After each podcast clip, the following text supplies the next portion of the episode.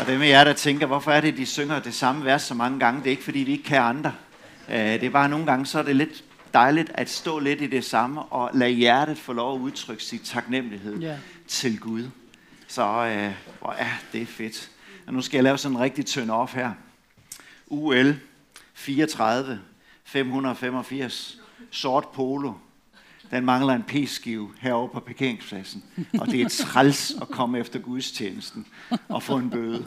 Ja. Så hvis du nu er ejer af den, så bare lige gå ned til udgangen, så står der en mødevært der med en p-plads, med en p-billet, og så går du ikke øh, udfordret hjem på humøret.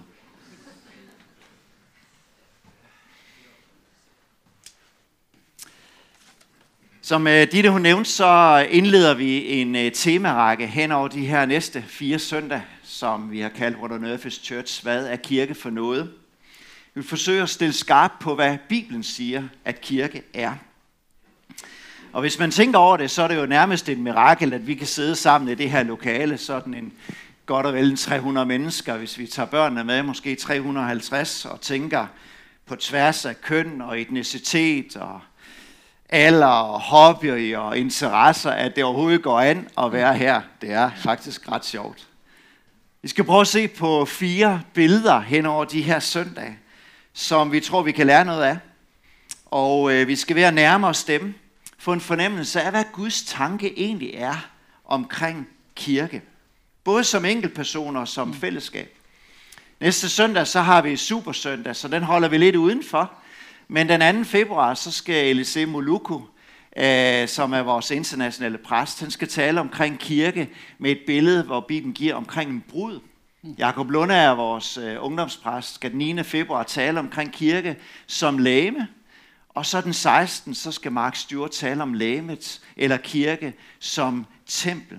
Så jeg håber, du kan være med, har lyst til at være med de her fire gange. Og så fortsætter vi også i vores live-grupper, som er de der mindre familiegrupper, hvor vi også sådan lidt mere stiller skarp på, hvordan kan vi oversætte det så til dansk. Hvis nu en tilfældig på gaden her i eftermiddag spurgte dig, hvad er kirke for noget? Hvad vil du så svare, hvis du skulle svare med en beskrivelse af en, en institution i Randers, som vedkommende vil kende fra bybilledet? Vil du sige øh, Fitness Worlds eller Loop? Der går min kone og jeg, det sidste. Hvor det så bare er sådan lidt åndelig træning, hvor vi øh, bliver fit og øh, forstår, hvad det vil sige at være en kristen. Så drikker vi en kop kaffe eller en energidrik, og så betaler vi ved udgangen. Eller vil du sige, nej, kirke, det er sådan mere en læseklub. Vi læser en gammel bog, og så snakker vi lidt omkring, hvad der står i den. Og øh, det kan også godt være, at vi drikker lidt kaffe der, og så går vi hjem. Eller vil du sige, at kirke det er sådan mere en remeforretning?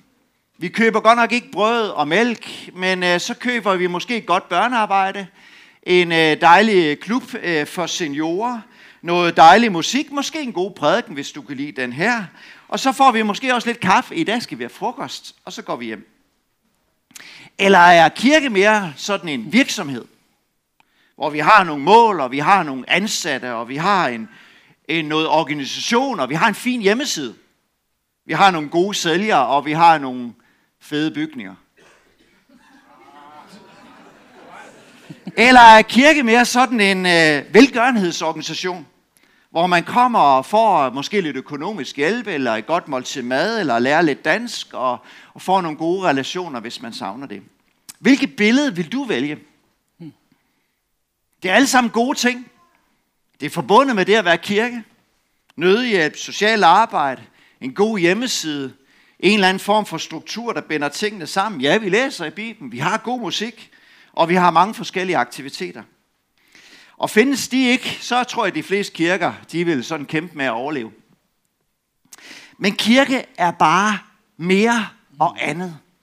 Og det billede, jeg vil vælge at forklare manden på gaden i Randers med i eftermiddag, vil være, kirke er familie. Lad os prøve at læse sammen i Markus kapitel 3, vers 31. Så kom Jesu mor og hans brødre. De sendte nogle ind til ham for at hente ham. Men selv blev de stående udenfor. Han sad omgivet af en helt skare, og de sagde til ham, Se din mor og dine brødre og dine søstre står udenfor og spørger efter dig.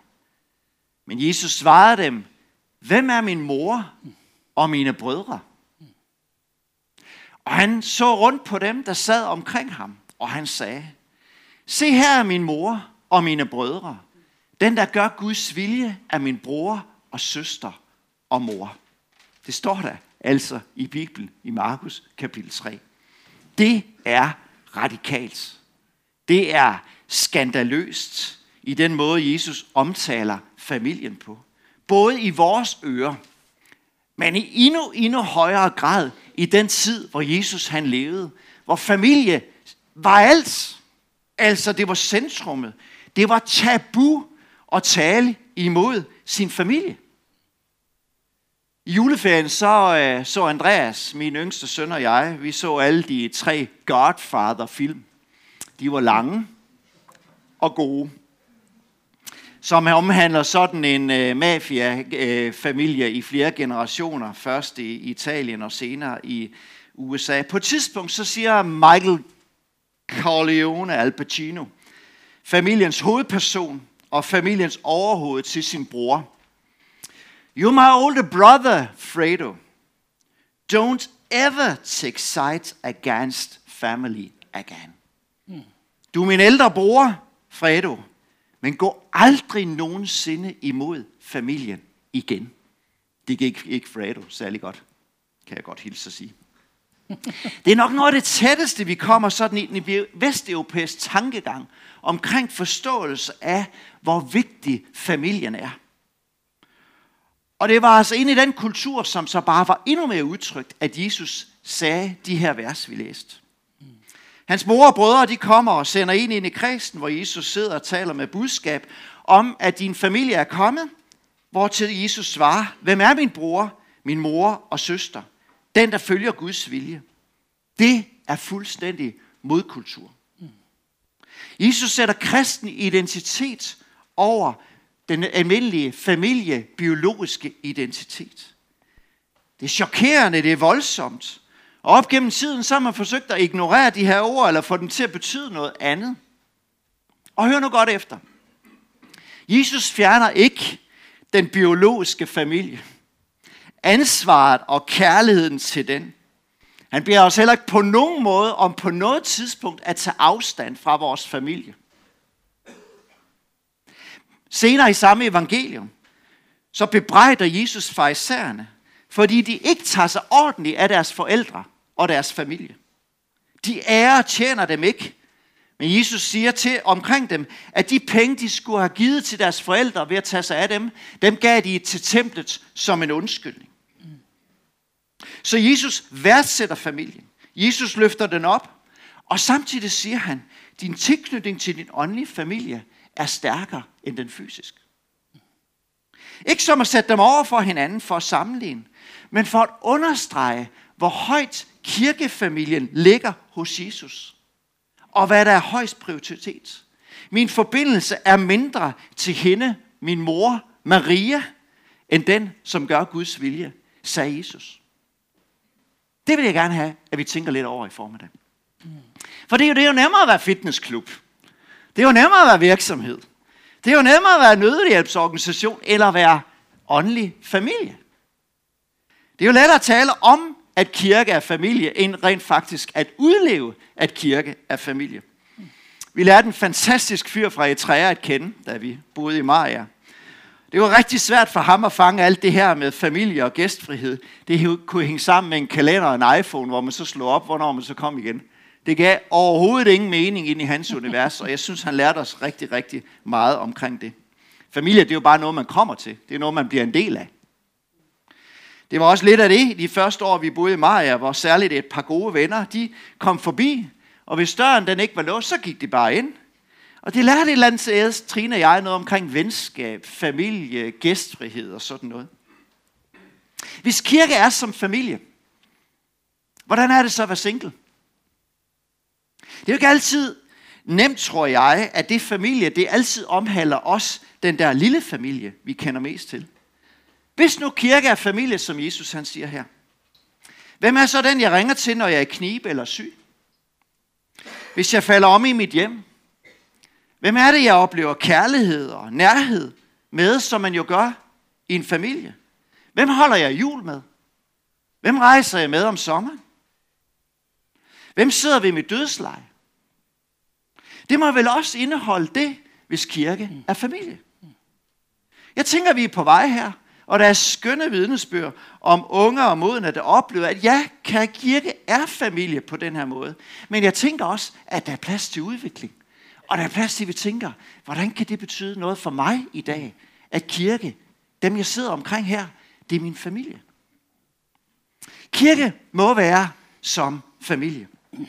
Når Jesus gav os den her vision, om at den, der gør Guds vilje, følge ham, er Jesu familie, så passer det rigtig godt med resten af Bibelens undervisning. For eksempel så siger Romerbrevet, at hvis vi drives af Guds ånd, så er vi Guds børn. Så når man bliver en kristen, så handler det ikke om, at man pludselig har taget sig sammen og blevet et bedre menneske. Det sker ved, at man bliver født ind i en ny familie. Jesus sagde, at alle, som tog imod ham, dem kan han magt til at blive Guds børn. Så jeg bliver født ind i Guds familie ved Guds nåde. Og det sker alene ved at sige ja tak til Jesus i sit hjerte og tro på det, som han gjorde for alle mennesker, da han døde på korset for vores sønder. Det vi skal fejre lidt senere i nadveren. Så når vi indbyder ham og byder ham velkommen, så bliver vi hans barn. Så er Gud vores far. Og alle de andre troende, det er nu mine brødre og søstre, for vi har samme far. Fordi de også blev adopteret ind i Guds familie. Ikke på grund af alt det gode, som vi kom øh, med, men fordi han er god, vores far i himlen. Det er så meget værdi, Gud sætter på sin nye familie, at han rent faktisk gav sit liv for, at vi kunne få lov til at være familie, og kan Gud, vores far, og Jesus, vores storebror, og hinandens søsken. I virkeligheden er det et helt forkert begreb at bruge kirken som en metafor, eller familie som en metafor for familie. For en metafor, det er jo et billede eller noget, vi sammenligner noget andet med. At være Guds familie, det er faktisk ikke sådan metaforagtigt. Det er rent bogstaveligt. Sådan det er. Kirken er ikke som familie. Kirken er familie. Gud er virkelig din far. Jesus er virkelig din, vores storebror. Og vi er brødre og søstre, når vi har modtaget Jesus i vores hjerte. Mm.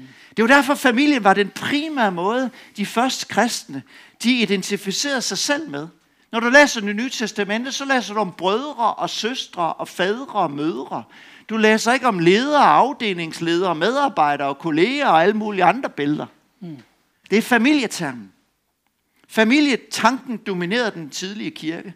Så kristendommen har alt at gøre, hvordan vi relaterer til Gud, og hvordan vi relaterer til hinanden. Paulus fremhæver igen og igen Guds faderhjerte og de troendes relationer til hinanden.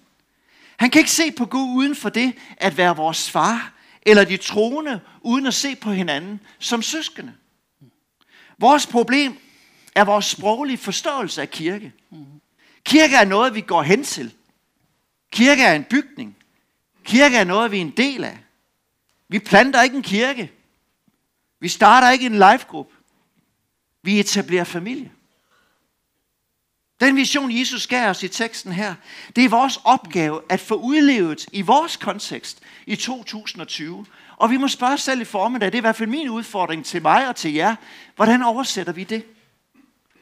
Sådan ser jeg på jer, sagde Jesus, i familie, min bror og min søster. Er det en sund og god familie, som Guds familie er, så fylder kærlighed, nærhed og tilknytning noget. I modsætning til en familie at opleve afstand og fremmedgørelse. At ære og respektere hinanden betyder noget i en familie. I særdeleshed ældre og modne og erfarne mennesker. I modsætning til ligegyldighed og modvilje og ringart af hinanden i familien. Magt og penge, det betyder ikke noget i en familie. Men modenhed og alder gør. I en familie, så lykkes vi, hvis vi er rigtig gode, at inkludere alle generationer. Og børn i kirkefamilien, de er vigtige. Er det rigtigt? De unge er vigtige. De ældre er vigtige. Vi ser børnene. Vi beder for dem. Vi former tæt venskaber, for det gør man også i en god familie. Generøsitet, tilgivelse og værdsæt hinanden, det er også noget, vi som individuelle medlemmer gør i kirkefamilien, hvis den skal være rigtig god, og hvis vi skal afspejle vores far. Vi forsøger at fagne og rumme den svage og den sårbare, for det vil vi altid gøre i en god familie, og sådan er vores far. Den fremmede og den, som er ny i vores land og i vores kirkefamilie, har en særlig plads. Det er ikke bare noget, vi gør individuelt, men det er faktisk også noget, vi gør som fællesskab, som Guds familie. Nogen siger, at hvis det skal være familie, så skal det være småt. Det er altså noget sludder. I så fald så udelukker du Jerusalemkirken. Der var godt og vel 5.000. I hvert fald. Og de delte det, det hele sammen. Og de havde alle de træk, vi tænker på, som en sund og en god familie. Så størrelsen er ikke afgørende. Det er hjertet. Det er kulturen. Og når man er mange i familien, så skal det bare arrangeres på en anderledes måde, end hvis du i eftermiddag går en tur på restaurant og er to eller tre. Det skal bare tænkes lidt anderledes. Men vi kan sagtens bevare familiehjertet, hvis vi vil. Du kan også komme i en lille kirkefamilie, hvor der ikke rigtig meget familiefølelse. Så størrelsen betyder ikke noget, men hjertet. Er det rigtigt? Så vi må ikke sluge ideen om, at familie handler om størrelse. Men som en større familie må vi arbejde med det at være familie på en anden måde. Allervigtigst, så må den tanke ikke snige os ind hos os, at vi pludselig er blevet en virksomhed, fordi vi er større. Men bevar familiebilledet hos os. Og endda endelig endnu vigtigere, når vi nu er en sammenbragt familie.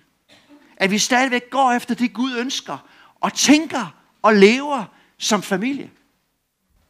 I en større familie, som vi er, så er vi så heldige, at vi har nogle specialister, som for eksempel kan føre livssamtaler med mennesker, der har brug for hjælp i livet. Om ikke så længe, så kommer vi til at tilbyde sådan forskellige samtaler, kursusforløb, for at hjælpe der, hvor der virkelig er behov. Vi har også en besøgstjeneste i kirken, som man kan koble sig på som ældre, som besøger ældre og syge, som ikke kan være en del af en life group. Men fordi vi har de her muligheder, og det er super godt, så kan vi aldrig uddelegere kærlighed og omsorgsdelen til nogen eller noget. Det gør man ikke i en familie. Kærlighed til mennesker, kærlighed til min familie, det uddelegerer man ikke til en afdeling eller til en tjeneste i kirken. Vi er alle der, hvor vi er kaldet til at vise omsorg, tage os af og arbejde for trivsel i familien. Og det slutter lige så hurtigt, vi har sagt, at her, vi skal have frokost sammen, at vi spejder og kigger, er der nogen, der går alene? Er der nogen, der trænger til et hok? Er der nogen, der trænger til en samtale? For det gør vi jo i en familie. Har vi øje for hinanden? Den, der ser et behov, bærer ansvaret. Og selvfølgelig er det hjælpsomt at vide, at der er en struktur for, hvordan omsorg og kærlighed og ansvar for hinanden kan se ud, når vi sådan lige pt. er en familie på 400, og vi gerne skulle vokse måske til det dobbelte. Så er det da godt nok at tænke, hvordan får vi det nogenlunde til at hænge, hænge sammen. Og har vi en, en, i Life Group en mindre familie, en stor familie, hvor vi tager os af hinanden og involverer os i hinandens liv, så er det super godt. Eller i mindre forskellige fællesskaber, som onsdagscafé gudstjeneste, eller goat og teenagearbejde. Eller at vi tilbyder en mentorordning, som ikke er noget professionelt, men som et nært ønske hos dem, der driver det, at se, at alle i vores familie vokser til. Og det gør man ofte ved at gå sammen med nogen. Og måske få et godt råd af en, der er gået lidt længere i livet sammen med hinanden. Det er bare ikke noget virksomhedsagtigt. Omsorg er et fælles ansvar for os alle. Og så strukturerer vi det på en eller anden måde. Det må aldrig uddelegeres til nogle få, eller nogle præster, eller så vi får sådan en eller anden rema-tanke ind, som ikke er Guds tanke med familie. Så kan jeg købe lidt her, så går det nok lidt igen. Vi er familievenner. Ja. Er I med? Ja.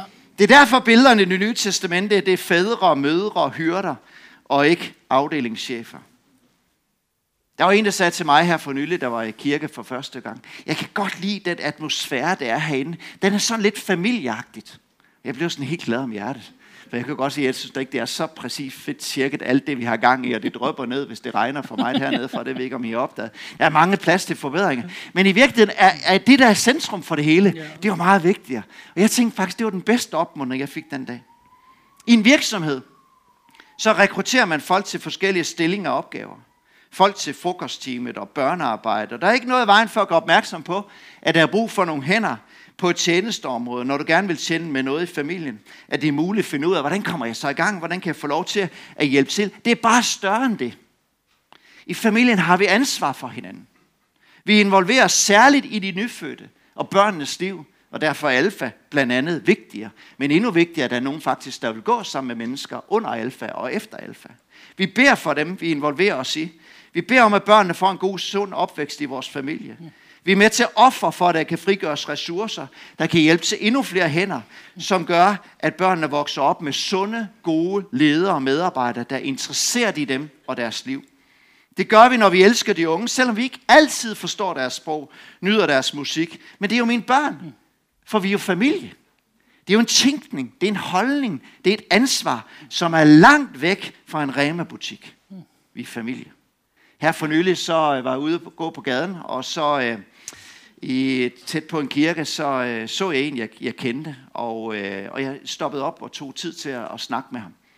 Og så var han i kirke sidste søndag, da vi var i Kronelands øh, frimenighed. Så kom han ind til mig og sagde sådan her, det betød alt for mig, at du så mig den dag og tog tid til at snakke med mig. Det gjorde et udsletteligt indtryk for mig. Så ofte så er det nogle gange de der, og jeg tænkte ikke videre over det den dag, at de der små lille ting, vi gør eller glemmer at gøre, som kan få en stor betydning for, hvor godt vi trives. En familie, der hersker forskelligheden. Det har jeg nok fundet ud af. Det gælder også en pukkelrykket, ikke? Både den lille og den lidt større. Det var nemmere, hvis alle tænkte som mig. Helt ærligt. Der var nogle ting, der gik hurtigere og nemmere. Det er bare ikke sådan. Vi er så forskellige. Der er sådan en diversitet, og her er vi 400 mennesker, som er vildt forskellige. Hvordan skal det gå godt? Men netop fordi vi er Guds familie, og han har kaldt os sammen, og han har givet os en ny ånd, så er der også nogle nye ressourcer at trække på. Han har skabt enhed mellem os. Det er derfor, vi kan holde ud og være sammen. Ikke der at holde ud, men elsker at være sammen. Så når vores øjne og hjerte er vendt mod Jesus, og vi tænker, hvordan ønsker min himmelske far, at vi skaber familie, så det bliver plads og rum til alle, så tænker jeg, så kommer det til at gå godt. At vi får med Guds hjælp lov til at hjælpe og respektere også dem, der tænker fuldstændig anderledes, end du gør. For kærligheden skjuler mange sønder, der begås imod os. Når mennesker pludselig ser det, så bliver det, som Jesus sagde, at jeres indbyrdes kærlighed bliver årsag til, at mennesker søger jeres Gud. Fordi de kan se, hvor meget I elsker hinanden. Og det virker ikke til synland til at være nogle gode grunde til, hvorfor I gør det. Tænk, hvis Gud lader os lykkes med i frikirken at være familiekirke for fire generationer. Mange etniciteter. Være noget for hinanden på tværs af de normale opdelinger. Når børn, unge, forældre, bedsteforældre, oldeforældre er sammen og kan lide hinanden, og vil hinanden, og det foregår respektfuldt, så kommer det til at give et mærkbart afsæt i vores by. For sådan et fællesskab kan jeg ikke umiddelbart få øje på, hvis det lykkes.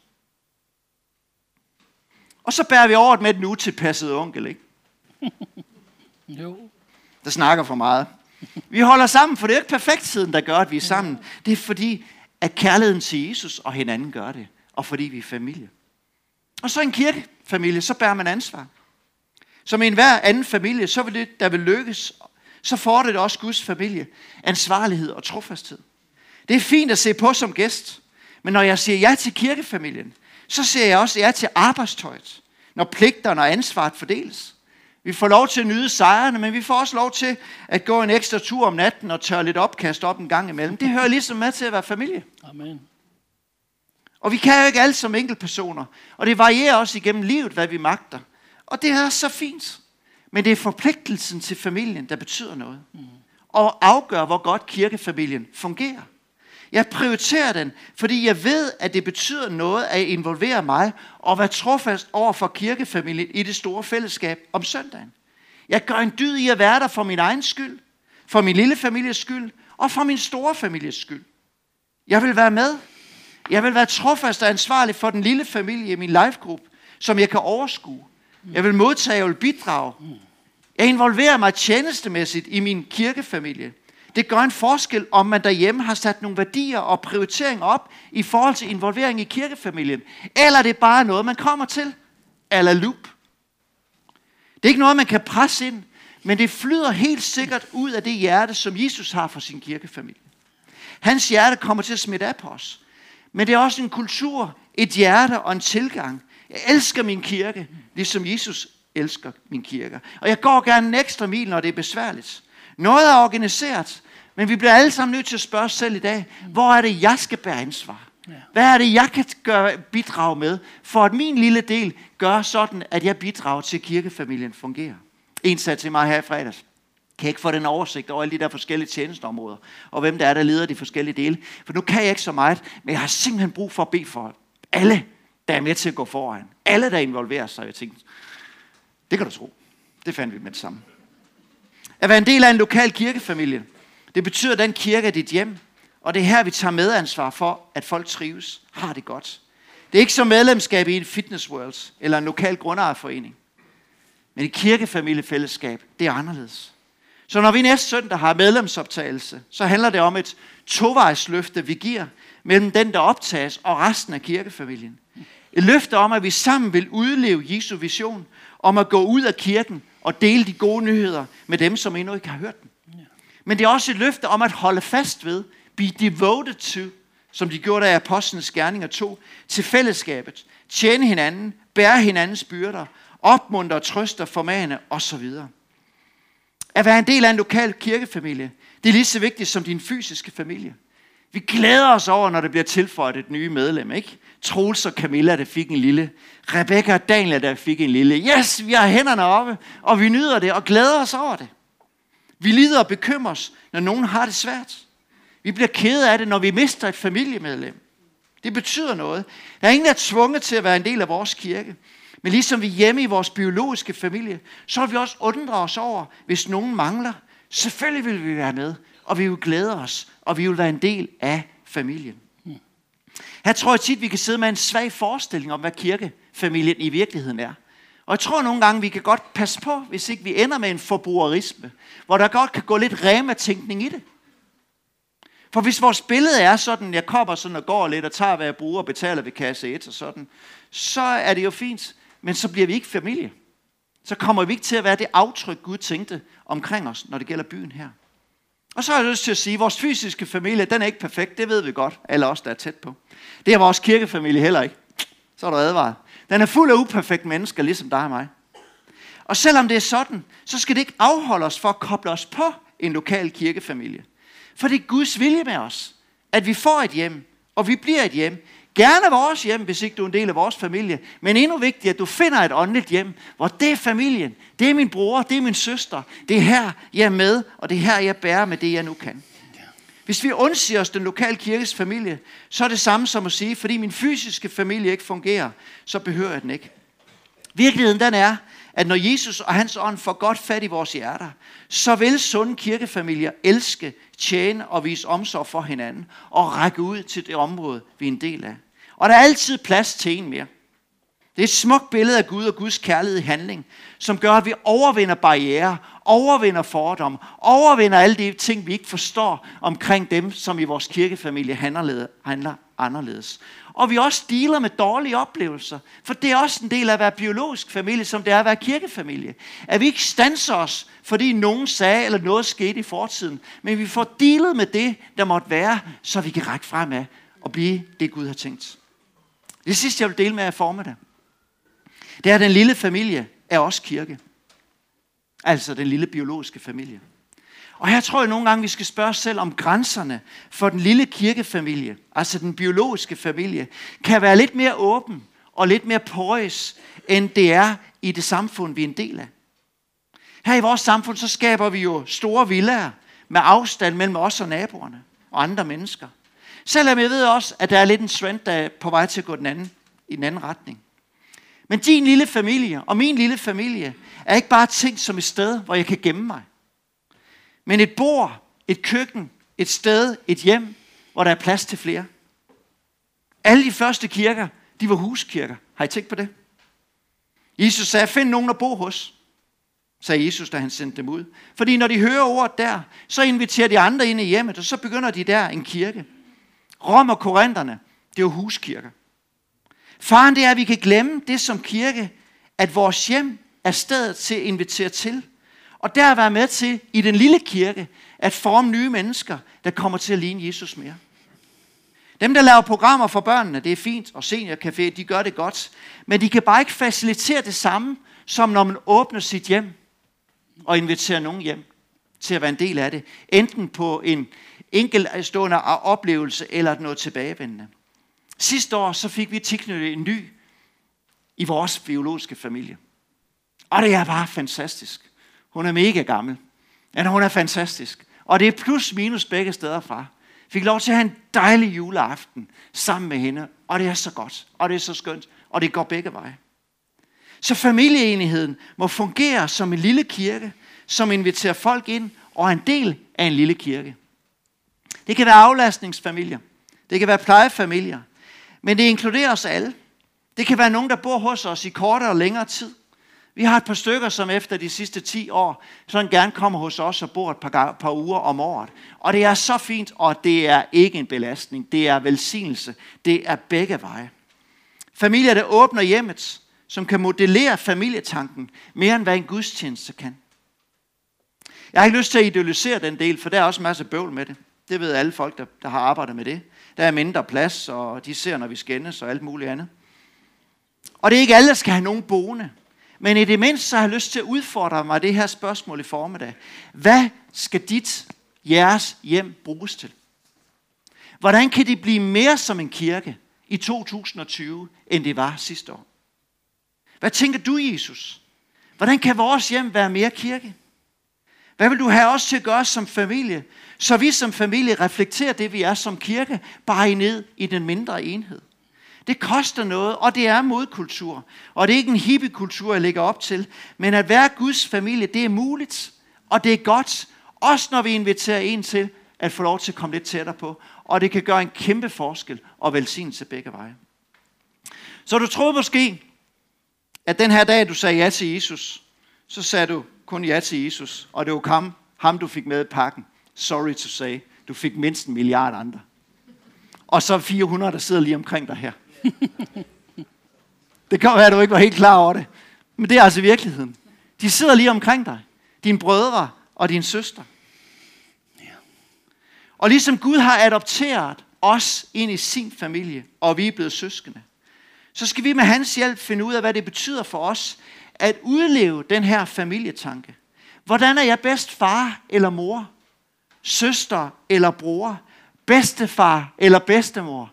Eller oldemor eller oldefar. Om et øjeblik, så skal vi dele nadver sammen. Og her kommer det så smukt til udtryk. Lige netop det, vi er. Et læme. Og der er kun ét brød, Jesus. Og det er ham, vi alle sammen får lov til at spise et lille stykke af. Det er ham, der ved troen bor i vores hjerter, og vi er forbundet til ham og forbundet til hinanden. Den mulighed, den gælder for enhver, som er kommet her i formiddag.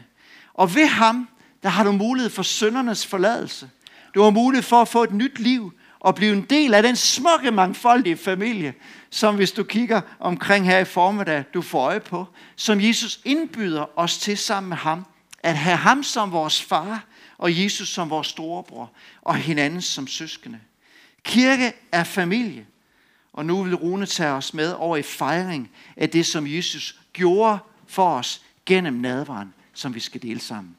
Amen.